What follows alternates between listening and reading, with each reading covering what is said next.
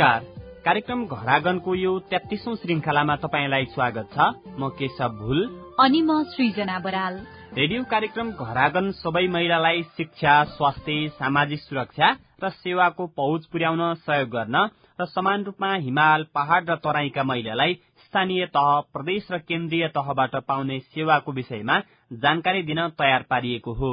सामुदायिक सूचना network CIN मार्फत देशभरका विभिन्न सामुदायिक रेडियोबाट प्रसारण भइरहेको कार्यक्रम घर आँगन शान्ति न्याय र लोकतन्त्रका लागि समावेशी महिला सञ्जाल संकल्प र सामुदायिक सूचना नेटवर्क सीआईएनको संयुक्त उत्पादन हो।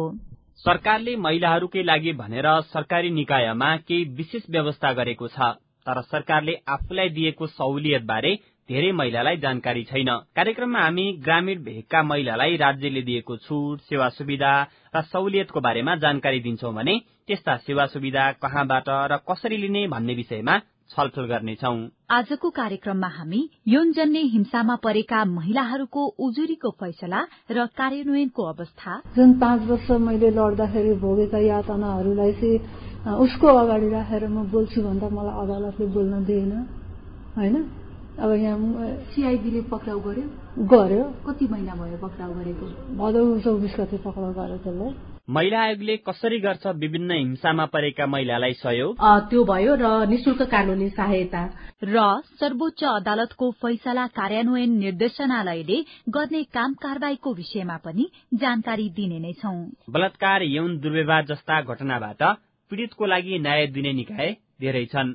यौन हिंसा वा जुनसुकै हिंसा विरूद्ध आवाज उठाउने बानी बसाल्नुपर्छ।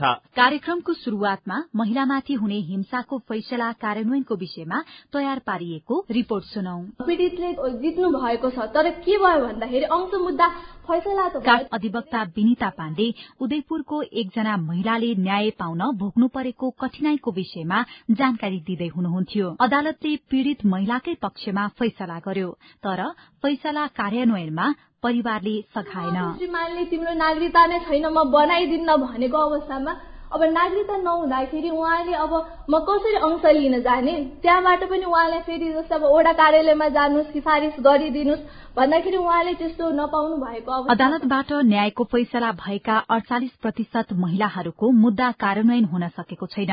महिला आयोगका मुद्दा व्यवस्थापक विमला खड्का। फैसला कार्यान्वयनमा चाहिँ अब जस्तो पीड़ित आफैले क्षतिपूर्तिको लागि फेरि निवेदन लिएर जानुपर्ने अथवा फैसला कार्यान्वयन गरी पाउँ भनेर पनि फेरि निवेदन दिनुपर्ने अनि त्यसपछि तारिकमा रहनुपर्ने अनि पक्षहरूले त्यति जसमा दुःख दिने हिसाबले तारिक गुजारेर बस्दिने अथवा म्यादै नबुझिदिने खालका जुन समस्याहरू छन् चुनौतीका पाटाहरू चाहिँ हामीले धेरैवटा कुराहरू देख्न सक्छौं। आर्थिक वर्ष दुई हजार चौहत्तर पचहत्तरमा अदालतबाट फैसला भएर पनि कार्यान्वयन नभएको भन्दै सतहत्तर हजार चार सय चौबिसवटा मुद्दा परेको छ। त्यसमध्ये बीस हजार नौ सय चौरासीवटा मुद्दा देवानी प्रकृतिका छन्। आठ हजार चार सय सत्र मुद्दामा फैसला हुन बाँकी छ। सर्वोच्च अदालत फैसला कार्यान्वयन निर्देशनालयका फैसला कार्यान्वयन अधिकारी मञ्जु अधिकारी। फैसला कार्यान्वयनको लागि कुन निकायको नाममा निर्देशनात्मक आदेश जारी भएको छ अथवा परमादेश जारी भएको छ? त्यस्ता निकायहरूलाई चाहिँ हामीले पत्राचार गर्ने अब यस सम्बन्धमा चाहिँ कतिवटा निवेदनहरू दर्ता हुन्छन्? निवेदन दर्ता भयो भनेदेखि हामीले निवेदनको आधारमा मिसिल खडा गरेर त्यसपछि हामी त्यसमा पनि कार्यान्वयनको लागि पठाउँछौ। फैसला कार्यान्वयन गर्न नमान्ने निकाय वा व्यक्तिलाई कारवाही गर्ने संयन्त्र नबनेसम्म महिलाहरूको न्यायमा पहुँच नबढ्ने अधिकार कर्मीहरू बताउँछन्। फैसला कार्यान्वयनको अवस्थाको विषयमा रिपोर्ट सुनिसकेपछि फैसला भएको घटनाका पीड़ित पीड़कलाई भएको सजायमा उनीहरू सन्तुष्ट छन् त? दुई हजार सत्तरी साल अब म एउटा छिमेकीबाट त्यो घटनामा परेको थिएँ। के भयो छिमेकीबाट? छिमेकीबाट चाहिँ अब म माथि अब आएर आक्रमण भयो होइन बलात्कारको अनि त्यो भइसकेपछि अब म औषधि उपचारको लागि अब बल्ल बल्ल मैले अब यो गरेँ होइन? अब जस्तो मैले एउटा अदालत जाने क्रममा अब यो मुद्दालाई जाहेरी दिने क्रममा चाहिँ अब मैले गएर जाहेरी दिएपछि पनि अब धेरै तनाव भयो मलाई। मुद्दा जाहेरी दिन दिएन। महिना दिनको दिन मात्रै बल्ल बल्ल मैले जाहेरी दिएँ। सफल भएँ त्यति गरेर पनि अब अदालतले चाहिँ अब मेरो पीडालाई चाहिँ अब नबुझेर उसकै उसमा चाहिँ अब उसले गरिदियो क्या फैसला पनि। एउटा मलाई मैले अदालतमा गएर जुन बोल्छु भन्दाखेरि अब एउटा कागजी रूपमा मैले अहिले हेर्दाखेरि होला त्यो अब अरूले बुझ्दा कस्तो खालको बुझ्नुहुन्छ तर मेरो एउटा सिधा बुझाइले पनि मैले त्यो अवस्थामा न्याय पाएको महसुस गरिनँ मैले। के भयो अदालतमा? अदालतमा चाहिँ अब मान्छे फरार छ। फरार छ अब तिस हजार जरिमाना र क्षतिपूर्ति र पाँच वर्ष कैद भनेर चाहिँ अब त्यस्तो खालको एउटा फैसला भयो तर मान्छे फरार थियो। अनि त्यो कुरालाई चित्त नबुझेर चाहिँ अब मैले एउटा म यस्तो अङ्गभङ्ग भएर यस्तो अवस्थामा हिँडिराखेको थिएँ। शारीरिक अवस्थामा पनि म त्यतिखेर अब पैँतालिस दिनसम्म पनि म ब्लिडिङ भएर चाहिँ मैले अब धेरै तनाव बेहोर्नु पर्यो होइन। अब सामाजिक तिरस्कार पनि अब त्यतिखेरै भयो।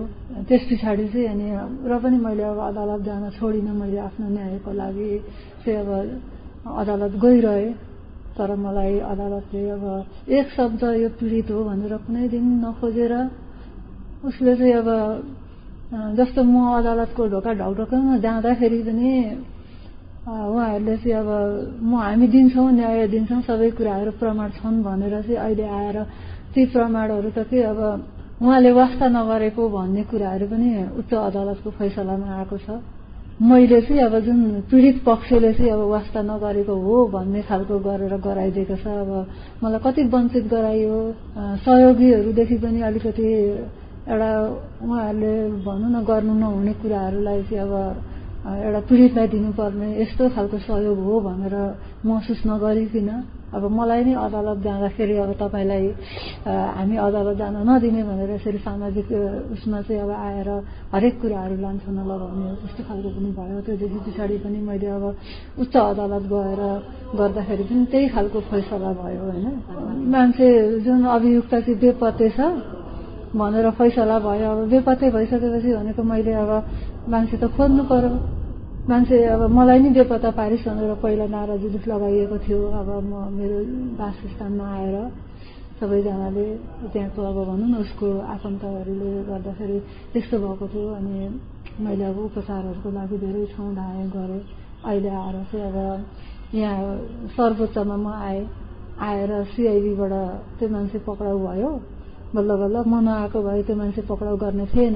अब मैले अदालतलाई त अब जवाफ त भयो नि त होइन। उसले बेपत्ते भनेर फैसला गरेर मैले त्यसरी पक्राएँ मान्छे धेरै कष्ट दुःख गरेर अहिले उसलाई मैले पक्राउन सफल भएँ। तर मिल्दैन केही पनि अहिलेसम्म। जुन मेरो इच्छा अनुसार। जुन पाँच वर्ष मैले लड्दाखेरि भोगेका यातनाहरूलाई चाहिँ उसको अगाडि राखेर म बोल्छु भन्दा मलाई अदालतले बोल्न दिएन। होइन? अब यहाँ सिआइडीले पक्राउ गर्यो? गर्यो। कति महिना भयो पक्राउ गरेको? भदौ चौबिस गते पक्राउ गर्यो त्यसले। अनि त्यसको बयानहरू पनि आएको छैन। अब उहाँलाई अदालतको फैसलाले न्याय नपाएको महसुस भएको छ। त्यस्तै धेरै महिलाहरूलाई यस्तो महसुस भएको हुन सक्छ चित्त नबुझेको अवस्थामा वा यौनजन्य हिंसामा परेका महिलाहरूले कसरी अदालतबाट न्याय पाउन सक्छन् होला? हामीले सर्वोच्च अदालतको फैसला कार्यान्वयन निर्देशनालयको फैसला कार्यान्वयन शाखाका शाखा अधिकृत मन्जु ओझासँग कुराकानी गरेका छौं। फैसला कार्यान्वयन निर्देशनालय चाहिँ सर्वोच्च अदालतको एउटा महाशाखा हो। यसको लागि चाहिँ सर्वोच्च अदालतबाट भएका फैसलाहरू विशेष गरी चाहिँ हाम्रो यो सार्वजनिक सरोकारका निवेदनहरूमा भएको फैसला निर्देशनात्मक अथवा यो परमादेशका जुन आदेशहरू भएका हुन्छन् यिनीहरूको चाहिँ कार्यान्वयनको लागि चाहिँ हामी कहाँ निवेदन दर्ता हुन्छ अथवा सर्वोच्चले प्रत्यक्ष रूपमै पठाउँछ कार्यान्वयन गर्नुहोस् भनेर त्यसपछि हामीले लेखेर पठाउँछौँ।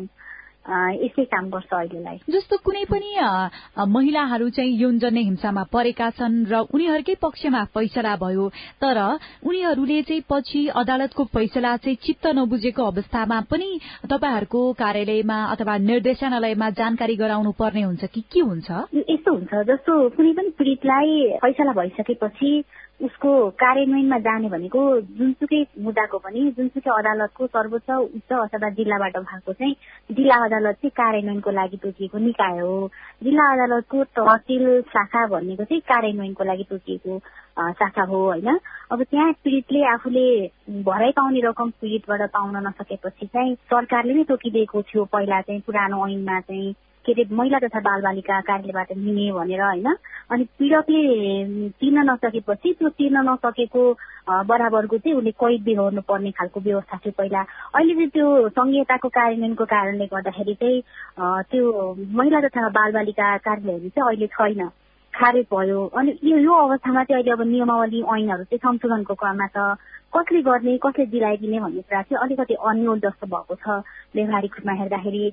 अनि कसरी कार्यान्वयन भइराखेको छ त भन्दाखेरि अहिले चाहिँ महिलाका विशेष सरोकारका विषयहरू भएको खण्डमा चाहिँ हाम्रो यो जुन जिल्ला अन्तर्गतको जिल्ला प्रशासन शाखा छ त्यहाँ चाहिँ पीडितहरूले निवेदन दिने त्यसपछि प्रशासन शाखाले चाहिँ जिल्ला प्रशासन कार्यालयले चाहिँ महिला तथा बाल बालिका मन्त्रालयको समन्वयमा अर्थ मन्त्रालय मार्फत रकम निकास माग गरेर अनि त्यसपछि समन्वय मार्फत उनीहरूलाई चाहिँ दिलाउने काम भइराखेको छ। र यो कुरा हाम्रो निर्देशनालयले चाहिँ के गर्छ भन्दाखेरि यदि त्यस्तो अवस्थामा पनि उहाँहरूको सुनवाई भएन उहाँहरूको चाहिँ पीडितले चाहिँ रकम चाहिँ पाउनु भएन भन्ने किसिमको निवेदन दिँदाखेरि पनि नभएको अवस्थामा चाहिँ त्यो प्रक्रियामा गइसकेको अवस्थामा पनि नभयो भने त्यस्तो अवस्थामा चाहिँ निर्देशनालयले निवेदन इन्टरटेन गर्छ र त्यो निवेदन उप चाहिँ लेखेर पठाउँछ सम्बन्धित निकायलाई।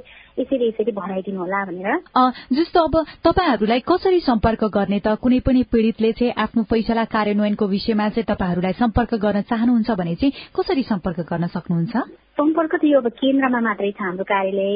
यो एउटा डाइरेक्टरी निर्देशन मात्रै दिने कार्यालय भएको हुनाले तहसिल शाखा मार्फत काम नभए पछाडि अथवा उहाँहरू निकायमा जुन निकायमा जानुभयो त्यहाँ मार्फत नभए पछाडि उहाँहरू आफै नै त्यो निकायमा चाहिँ निवेदन लिएर आउनुपर्ने हुन्छ। त्यसको लागि तपाईँहरूलाई सम्पर्क गर्नको लागि चाहिँ कुनै फोन नम्बरहरू त्यस्तो केही छ कार्यालयको? फोन नम्बर छ हाम्रो बयालिस उनासाठी छ सय दुई छ। यो चाहिँ तपाईँहरूको फोन नम्बरमा सम्पर्क गर्न सक्नुभयो। कुन कुन अवस्थामा चाहिँ निर्देशनालयलाई सम्झन सक्नुहुन्छ हिंसामा परेका महिलाहरूले? जस्तो उहाँहरूलाई लिएर चाहिँ सुनवाई भएन त्यसपछि उहाँहरू रिट मार्फत कुनै चाहिँ आफ्नो क्षतिपूर्ति दिलाइदिन भनेर रिट मार्फत भएको छ भने त्यो चाहिँ सोझै हामी कहाँ आउँछ कार्यान्वयनको लागि। त्यसपछि हामीले त्यसलाई प्रक्रियामा लगिदिन्छौँ लेखेर। फैसला कार्यान्वयन निर्देशनालयमा यो उजुरीहरू परेको अवस्था छ कि चाहिँ? निवेदन चाहिँ आएको छैन तर उहाँहरू बुझ्न चाहिँ आउनुहुन्छ। मेरो यस्तो यस्तो अवस्थामा कार्यान्वयन भएन म कहाँ जाउँ भनेर चाहिँ सोध्न चाहिँ आउनुहुन्छ थाहा नभएर। त्यसपछि हामीले कहाँ जाने भनेर बताइदिएर यसरी काउन्सिलिङ दिएर चाहिँ पठाउँछौ। कस्तो कस्तो खालको सहायता चाहिँ यो फैसला कार्यान्वयन निर्देशनालयमा चाहिँ पाउन सक्नुहुन्छ? कुनै पनि फैसलाको विषयमा भन्दाखेरि कस्तो किसिमको फैसला हो भन्ने कुरामा पनि डिपेन्ड हुन्छ। एउटा अब सार्वजनिक सरोकार मार्फतै आएको छ अथवा कुनै ऐन बनाऊ भनेरै आएको छ भने अब त्यही हिसाबले जानुपर्ने हुन्छ। अब उहाँहरूको व्यक्तिगत इन्ट्रेस्टलाई नै लिएर आएको छ भने सम्बन्धित निकाय कुन हुन सक्छ र उहाँको त्यहाँसम्म पुग्ने पहुँच कसरी हुन्छ हामीले त्यसरी काउन्सिलिङ दिन्छौँ। अब उहाँहरू त्यो प्रक्रियामा गइसक्नु भएको छ तर त्यो निकायले चाहिँ कुनै रेस्पोन्सै गरेका छैन भने हामीले त्यो निकायलाई उहाँको हितको लागि चाहिँ त्यो फैसलामा टेकेर यसरी कार्यान्वयन गरिदिनुहोस् भनेर लेखेर पठाउँछौ। फैसला कार्यान्वयनको विषयमा तपाईँले पनि फैसला कार्यान्वयन निर्देशनालयमा सम्पर्क गर्न सक्नुहुनेछ। तपाई अहिले सामुदायिक सूचना network C I N C I N network dot O R G र मोबाइल एप पकुरा सीआईएन तथा देशभरका सामुदायिक रेडियोबाट कार्यक्रम घरागन सुनिरहनु भएको छ। आजको कार्यक्रममा हामी महिलाहरूको पक्षमा हुने फैसला र कार्यान्वयनको अवस्थाको बारेमा कुराकानी गरिरहेका छौं। फैसला कार्यान्वयन लगायत अन्य हिंसा भएको अवस्थामा तपाईँले प्रहरी वा महिला आयोगमा पनि सम्पर्क गर्न सक्नुहुनेछ। कुनै पनि हिंसामा परेका महिलालाई महिला आयोगले कसरी सहयोग गर्छ? हामीले आयोगका परियोजना व्यवस्थापक पलिता थापासँग कुराकानी गरेका छौं। अब राष्ट्रिय महिला आयोगले चाहिँ विशेष गरेर अब यो आयोगको स्थापना नै महिलाहरूको हक हितको लागि लागि उहाँहरूको चाहिँ अधिकारहरूको संरक्षण गर्नको लागि बनेको भएर कुनै पनि अवस्थामा चाहिँ यदि महिलाको हक अधिकारहरू उल्लङ्घन भएको अवस्थामा उहाँहरू हिंसामा पर्नु भएको अवस्थामा चाहिँ हामीले सेवाहरू दिने कार्यहरू गरिरहेका छौँ भने हालै चाहिँ अब यो संवैधानिक आयोग भएको हिसाबले चाहिँ नीति निर्माणमा चाहिँ यसको विशेष भूमिकाहरू रहने होइन। नीति निर्माणको प्रक्रियाहरू चाहिँ महिला मैत्री छ कि छैन कुराहरू पनि आयोगले हेर्ने र नेपाल सरकारलाई नै आफ्नो प्रतिवेदन समक्ष पनि चाहिँ सिफारिस दिने पनि आयोगको चाहिँ काम रहेको छ।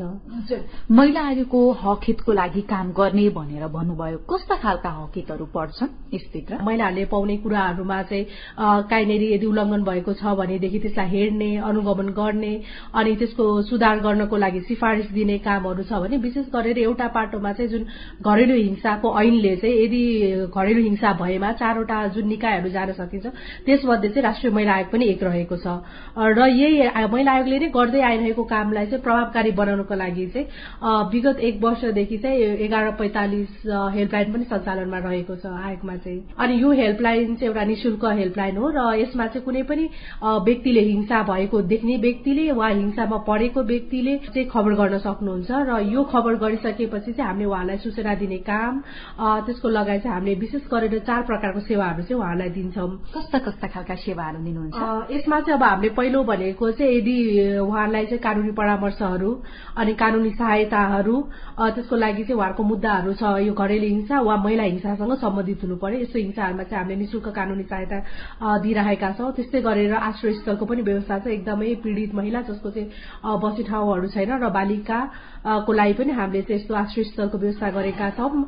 र त्यो बाहेक चाहिँ हामीले चाहिँ मनोसामाजिक परामर्श र बालबालिकाको लागि पनि केही विशेष सुविधाहरू जस्तो उहाँहरूको उद्धार गर्नुपर्ने अवस्थामा हामीलाई फोनहरू आएको अवस्थामा उद्धार गर्नको लागि हामीले चाहिँ सकार्यमा कामहरू गर्छौँ भने उहाँलाई चाहिँ राख्नको लागि सेल्टरहरूको पनि हामीले चाहिँ व्यवस्थाहरू गरेका छौँ। कुनै पनि हिंसामा पर्नुभयो र उहाँहरू सुरक्षित हुनुहुन्न भने त्यस्तो अवस्थामा उहाँले महिला आयोगको एघार पैंतालिसमा फोन गरेर जानकारी गराउनु भयो भने के सुविधा पाउनुहुन्छ एउटा परियोजना मार्फत हेल्पलाइन सञ्चालनमा रहेका हौ र यो चाहिँ चारवटा जिल्लालाई फोकस गरेको थियो। पहिला चाहिँ पाइलोटिङ भएको भएर चाहिँ उपत्यका र नुवाकोट भनेर तर हामीले गत वर्ष जब यो डिसेम्बर टेनमा सुरुवात गर्यौं अहिले हामीलाई देशैभरबाट कलहरू आउन लागिसकेको आइरहेको अवस्था छ।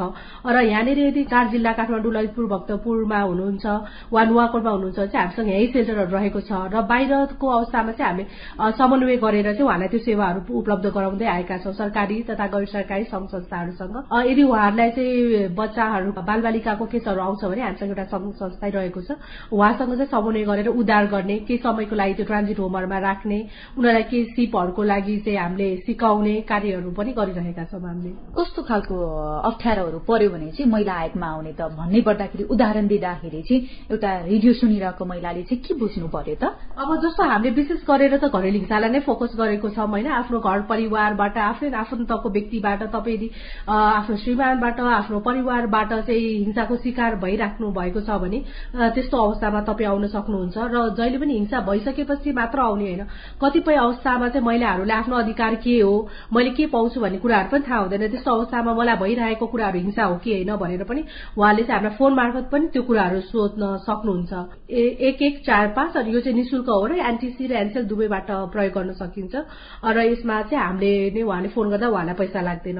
हामी उहाँलाई चाहिँ हामीले दिने सेवा मात्र नभएर अन्य सेवा प्रदायक निकायहरूसँग पनि हामी समन्वय गरिदिने कामहरू गर्छौँ। अब हामी कहाँ धेरै आउने चाहिँ यहाँनिर आफ्नै घरेलु हिंसा भएको कुराहरू अनि हेर महिलामाथि हुने अन्य हिंसाहरूको कुराहरूमा पनि हामी कहाँ चाहिँ परामर्शहरूको लागि आउनुहुन्छ। कुनै पनि महिलालाई यौनजन्य हिंसा भएको छ भने त्यस्तो अवस्थामा राष्ट्रिय महिला आयोगमा सम्पर्क गर्न सक्छन्? गर्न सकिन्छ। किन भन्दा अहिले यस्तो खालको हिंसाहरू बढी पनि राखेको छ र एउटा घरेलु हिंसाभित्रै पनि आफ्नो श्रीमानबाट हुने खालको यौन हिंसाको पनि कुराहरू हामी कहाँ आइरहेको छ भने कतिपय अवस्थामा चाहिँ यो कुराहरू रिपोर्टिङ हुँदैन। तर यहाँनिर चाहिँ कतिपय अवस्थामा त्यस्तो केसहरू पनि आइरहेको छ र यदि उहाँले चाहनुभयो भने हामी उहाँलाई कानूनी सहायता पनि गर्छौँ। कस्तो कस्तो खालको सेवा सुविधाहरू पाउँछन् त? यहाँ आयो भने यौनजन्य हिंसाको कुरामा चाहिँ। अब हामीले यौनजन्य हिंसा मात्र नभएर महिला विरूद्ध हुने कुनै पनि प्रकारको हिंसामा चाहिँ हामीले दिने सेवाहरूमा चाहिँ अघिकै चार प्रकारहरू रहेका छन्। मनोसामाजिक परामर्श आश्रय स्थलको व्यवस्था होइन एकदमै केसको गम्भीरतालाई हेरेर सबैलाई त गर्न सक्ने क्षमता हामीसँग छैन तर एकदमै उहाँ समस्यामा हुनुहुन्छ भने त्यो भयो र निशुल्क कानूनी सहायता। र हामी चाहिँ कुनै अन्य संस्थाहरूसँग चाहिँ यदि सिप मूलक तालिमहरू अहिले भर्खर मात्र पनि हामीले बिसजना प्रभावित महिलाहरूलाई चाहिँ यस्तो सेवा तालिम पनि दिएका थियौं। र हामीसँग मात्रै नभएर अरू कुनै नेपाल सरकारको वा गैर सरकारी संस्थाहरूसँग पनि जोड्ने कामहरू चाहिँ हामी गर्छौं। मनो सामाजिक परामर्श भनेको चाहिँ कस्तो खालको हो? के हो यो? अब मनोसामाजिक परामर्शमा चाहिँ हामीले विशेष गरेर मान्छेको मनको कुरा बुझ्ने होइन? हामीले विशेष गरेर हिंसा भइसकेपछि मलाई कानूनी सहायता चाहिन्छ भनेपछि मान्छे जति टाढा पनि जान तयार छ। तर अहिले चाहिँ जुन हाम्रो बदलिदो परिवेशमा चाहिँ आफ्नै हिंसाहरूको कारणले पनि एकदमै धेरै चाहिँ यो मानसिक समस्याहरू होइन। अब मान्छेको चाहिँ मनोसामाजिक रूपमा चाहिँ आफू ठिक न भइरहेको अवस्थाहरू छ। किन त कुनै पनि महिला हिंसामा परिसकेपछि चाहिँ उहाँको कुरा सुनिदिने व्यक्ति नै हामीले भेट्दैनौँ र त्यसो भए म हिंसामा परेको छु मेरो कुरा सुनिदिने कोही छैन। समुदायले पनि मलाई नै दोषी ठहराउँछ घर परिवारले पनि मलाई नै दोषी ठहराउँछ भने त्यस्तो अवस्थामा तपाईँहरूले सहायता गर्नुहुन्छ हो। हजुर त्यसमा चाहिँ अब हामीसँग मनोसामाजिक विमर्शकर्ताहरू पनि हुनुहुन्छ र यदि तपाईँहरूलाई चाहिँ मेरो मनमा लागिरहेको कुरा कसैले पनि बुझिरहेको छैन म हिंसामा परिरहेको छु म गएर कसलाई भनौँ भने फोनबाट मात्र पनि कुरा गर्नुभयो भने पनि हामी उहाँसँग जोड दिन्छौँ। र यदि यहाँ आइसकेपछि चाहिँ हामीले चाहिँ अवस्थाहरू हेर्दाखेरि यदि उहाँको चाहिँ एकदमै अवस्था मनोसामाजिक परामर्श मात्र नभएर डक्टरहरूकै सल्लाहहरू चाहिने छ भने हामी त्यहाँ पनि सिफारिस गरिदिने कामहरू चाहिँ हामी गर्छौँ। जस्तो तपाईँहरूले आश्रय पनि दिन्छौँ भनेर भन्नुभयो। आश्रय दिने चाहिँ कस्तो खालका महिलाहरूलाई चाहिँ तपाईँहरूले विशेष प्राथमिकता दिनुहुन्छ? अब आश्रय स्थलको कुरा गर्दाखेरि चाहिँ त्यस्तो महिलाहरूलाई चाहिँ हामी विशेष प्राथमिकता दिन्छौँ जसको चाहिँ आफ्नो घरमा बस्न सक्ने अवस्था नै छैन र उहाँ आर्थिक रूपमा पनि सशक्त हुनुहुन्न आफू केही गर्न सक्नुहुन्न र अरूमा नै भर पर्ने छ र उहाँको कुनै पनि ठाउँ बस्नको लागि जानको लागि छैन भने चाहिँ त्यस्तो महिलाहरूको लागि चाहिँ केही समयको लागि चाहिँ बस्ने व्यवस्थाहरू हामीले गरेका छौँ। त्यस्ता महिलाहरूले चाहिँ राष्ट्रिय महिला आयोगको एघार पैँतालिसमा फोन गर्न सक्छ हजुर। उहाँले त्यहाँ गरिसकेपछि हामीले केही न केही रूपमा उहाँलाई त्यहाँ बसिराख्दाखेरि चाहिँ सशक्त गराउने प्रयासहरू पनि गर्छौँ। उहाँलाई सबैलाई त हामी धेरै सिपमूलक तालिमहरू दिन सक्दैनौँ किन भन्दा कोही एकदमै केही समयको लागि मात्र बसेपछि आफूलाई म ठिक भएको आफ्नै परिवारमा बस्ने सम्भावना छ भने उहाँ फर्केर जानुहुन्छ होइन। तर कसैलाई चाहिँ हामीले त्यही धेरै समयसम्म बस्नुपर्नेछ भने चाहिँ अब सिप विकासहरूको कार्यक्रमहरूमा पनि जोड्ने प्रयत्न गरिरहेका छौँ। अनि कानुनी सहायता पनि गर्छु भनेर भन्नुभयो गरिन्छ यहाँबाट भन्नुभयो। कानुनी सहायता भनेको चाहिँ के हो? कस्तो खालको कानुनी सहायता अब कानुनी सहायतामा चाहिँ राष्ट्रिय महिला आयोगले एउटा मेलमिलापको प्रयास पनि गर्न सक्ने चाहिँ जुन अहिले नै यसलाई अधिकार दिएको छ। त्यही भएर जब एक पक्ष हामी कहाँ आउनुहुन्छ हामी दुवै पक्षलाई बोलाएर छलफल गराउने प्रयास गर्छौं। र यदि त्यहाँनिर मिल्ने सम्भावना छ भने त्यो जो व्यक्ति हामी कहाँ हुनुहुन्छ महिलालाई फेरि फर्केर त्यो परिवारमा जाँदा कुनै पनि हानि छैन भने र दुवैजना चाहनुहुन्छ भने हामी केही सहमतिहरू यहाँ पनि गराउँछौँ। र त्यस्ता कार्यान्वयन भएको अवस्थाहरू पनि छ। र यदि त्यो कुरा भएन अब एकदमै उहाँलाई चाहिँ त्यो के मुद्दा हाल्नु पर्यो लामो समयसम्म मुद्दा नै जानु पर्यो भन्ने कुराहरू छ होइन? माना चामलको लागि अब छोडपत्रको लागि भन्ने खालको समस्या छ र उहाँ आर्थिक रूपमा सशक्त हुनुहुन्न भने त्यसोलाई चाहिँ हामीले फ्री निशुल्क रूपमा चाहिँ कानुनी सहायताहरू पनि दिन्छौँ। त्यहाँ चाहिँ हामीले चाहिँ वकिलहरूले नै गएर उहाँहरूको तर्फबाट चाहिँ बहस गरिदिनुहुन्छ। म हिंसामा परे म एकदम आर्थिक रूपमा विपन्न छु मेरो बोलिदिने मान्छे कोही छैन मैले वकिललाई दिने पैसा पनि छैन भने त्यस्तो अवस्थामा मैले फोन गर्न सकेँ र तपाईँ यदि हिंसा पीडित हुनुहुन्छ र तपाईँको चाहिँ कोही पनि छैन भने हामी कानुनी सहायता दिन्छौँ। कार्यक्रमको अन्त्यमा भने यौनजन्य हिंसा विरूद्ध बनेको कानूनको विषयमा जानकारी दिँदैछौ। म विमला खड्का मुद्दा व्यवस्थापक राष्ट्रिय महिला आयोग। अहिले चाहिँ यौनजन्य हिंसाका कुराहरूमा सजाय सम्बन्धी व्यवस्थाका कुराहरू गर्दाखेरि चाहिँ अहिले बदिएको कानूनी फौजदारी मुलुकी संहिता छ। त्यसमा चाहिँ एउटा कडा सजायको व्यवस्थाहरू गरेर आएको अवस्था छ। यसमा चाहिँ अब हामीले सजाय मात्रै वृद्धि गरेर पनि नपुग्ने जस्तो होइन देखिन्छ। त्यसमा चाहिँ भएका सजायका व्यवस्थाहरू भएका कानूनी व्यवस्थाहरूलाई चाहिँ कार्यान्वयन गर्न सकियो होइन व्यवहारमा गर्न सक्यो भने चाहिँ धेरै राम्रो उपलब्धिहरू हासिल हुन सक्ने देखिन्छ। यौनजन्य हिंसाका घटनाहरू चाहिँ अपजायको वृद्धि भएर चाहिँ जस्तो अब जन्म कैदसम्म पनि हुन सक्ने होइन? अब बलात्कारपछि हत्या गरेको अपराधहरू छ भनेदेखि जन्म कैदको समय सजाय हुन सक्ने खालको चाहिँ व्यवस्थाहरू गरेको छ आजन्म कारावास हुन सक्ने गरिकन व्यवस्था गरेको छ भनेदेखि त्यसै गरिकन यस्ता मुद्दाहरूलाई चाहिँ एउटा निरन्तर सुनवाई होइन? तत्काल न्याय दिनुपर्छ भन्ने तरिका चाहिँ निरन्तर सुनवाई सम्बन्धी व्यवस्था पनि गरेको छ। त्यसै गरी अब यसमा चाहिँ क्षतिपूर्ति सम्बन्धी पनि राम्रो व्यवस्थाहरू छ। त्यसै गरी साक्षीहरूलाई चाहिँ भत्ता दिने अदालतमा आएर चाहिँ बयान बपत्र गर्न आउने साक्षीहरूलाई भत्ता उपलब्ध गराउनु पर्ने क्षतिपूर्तिको पनि राम्रो व्यवस्थापन गर्नुपर्ने कुराहरू पनि व्यवस्थाहरू गरेका छन्। त्यसै गरी सुनवाईहरू चाहिँ गोप्य हुनुपर्ने होइन? पीड़ितको विवरणहरू गोप्य राख्नुपर्ने भन्ने कुराहरू पनि छ। त्यसले गर्दा राम्रा कानुनी व्यवस्थाहरू भएर मात्रै पर्याप्त हुँदैन। त्यसलाई चाहिँ कार्यान्वयनमा उतार्नुपर्छ। व्यवहारमा ती कानुनी व्यवस्थाहरू हुबहु लागू हुनुपर्छ। त्यो चाहिँ महत्वपूर्ण भएको छ अब यसमा चाहिँ कानुनी सहायताको सन्दर्भमा जस्तो अब नेपाल बार एसोसिएसनले पनि एकदमै ठूलो पहल गरेको छ त्यसको सञ्जाल ठूलो छ। सबै जिल्लाहरूमा चाहिँ कानुनी सहायता बार एसोसिएसन मार्फत मार्फत पनि पाउन सकिनेछ। त्यसै गरी वैधानिक वकिलको व्यवस्थाहरू छ। त्यसै गरी विभिन्न संघ संस्थाहरूले राष्ट्रिय महिला आयोगले पनि कानुनी सहायता सम्बन्धी कामहरू चाहिँ अब त्यो कानुनी सहायता प्रदान गर्न सिफारिस गर्ने कानुनी सहायता प्रदान गराउने कार्यहरू गर्दै आएको छ। त्यसले गर्दाखेरि चाहिँ कानुनी सहायता पनि पीड़ितको तर्फबाट पनि कानुन व्यवसाय नियुक्ति गर्नुपर्ने भन्ने कुराहरू जुन छ होइन त्यो कुराहरू त्यसै गरिकन अब संविधानले पनि अपराध पीड़ितको हकको व्यवस्था गरेको छ। त्यसै गरी क्षतिपूर्ति सम्बन्धी पनि राम्रो राम्रो कानुनी व्यवस्थाहरू अहिले भएर आएको छ। त्यस कारण चाहिँ कानूनको हिसाबले चाहिँ हामी एकदमै राम्रो अवस्थामा छौँ अहिले। योजना हिंसाको नियन्त्रण गर्ने कानुनी व्यवस्था नभएर चाहिँ भएको होइन होइन? तर त्यो कानूनलाई चाहिँ प्रभावकारी रूपमा कार्यान्वयन गर्नुपर्ने चाहिँ अबको खाँचो चाहिँ रहेको छ अब फैसला चाहिँ अनुसन्धानको पाटोमा पनि धेरै कुराहरू भर पर्छ। अनुसन्धान राम्रोसँग भएर चाहिँ प्रमाण राम्रोसँग संकलन हुन सकेको अवस्थामा चाहिँ फैसलाहरू राम्रा भएका पनि छन्। त्यसकारण चाहिँ कतिपय अवस्थामा चाहिँ अनुसन्धान राम्रो भइदिएन। अनुसन्धान गर्ने अधिकारीहरू प्रभावित भइदिए। भनेदेखि त्यस्तो अवस्थामा चाहिँ न्याय नपरेको अवस्थाहरू पनि छ। तर पीड़ित भइकन यदि कसैले पनि प्रभावित नभइकन इमान्दारी साथ काम गरेको अवस्थामा चाहिँ अपराधीहरू के अरे सजायको दायरामा आएको अवस्थाहरू छ भनेदेखि केही केही घटनाहरू त्यस्ता पनि छन् जसमा चाहिँ पीड़कहरूले चाहिँ उन्मुक्ति पाइरहेको होइन कानूनी दायरामा आउन नसकेका अपराधहरू पनि देखिन्छ। यिनै विषयमा कुराकानी गर्दा गर्दै हामी कार्यक्रम घरागनको अन्त्यमा आइपुगेका छौं। कार्यक्रम घरागन तपाईँलाई कस्तो लाग्यो? केही सल्लाह सुझाव र प्रतिक्रिया छन् भने हामीलाई सम्पर्क गर्न नभुल्नुहोला। केही प्रश्न प्रतिक्रिया र टिप्पणीका लागि हाम्रो फोन नम्बर बान्न साठी छ सय छयालिसमा फोन गरेर जुनसुकै बेला पनि टिपाउन सक्नुहुनेछ। साथै हाम्रो इमेल ठेगाना साझा खबर at the rate Gmail dot com वा हाम्रो Facebook page community information network C I N र Twitter handle at the rate C I N साझा खबरमा पनि कार्यक्रमको बारेमा प्रतिक्रिया लेख्न सक्नुहुनेछ। हवस् त अर्को हप्ता महिलाकै सेवा सुविधाको विषयमा आजकै समयमा रेडियो कार्यक्रम घरागन लिएर आउनेछौ। प्राविधिक साथी सुनिल राज भारतलाई धन्यवाद। कार्यक्रमबाट म केशव भूल। अनि म सृजना बोराल पनि विदा हुन्छु। नमस्कार।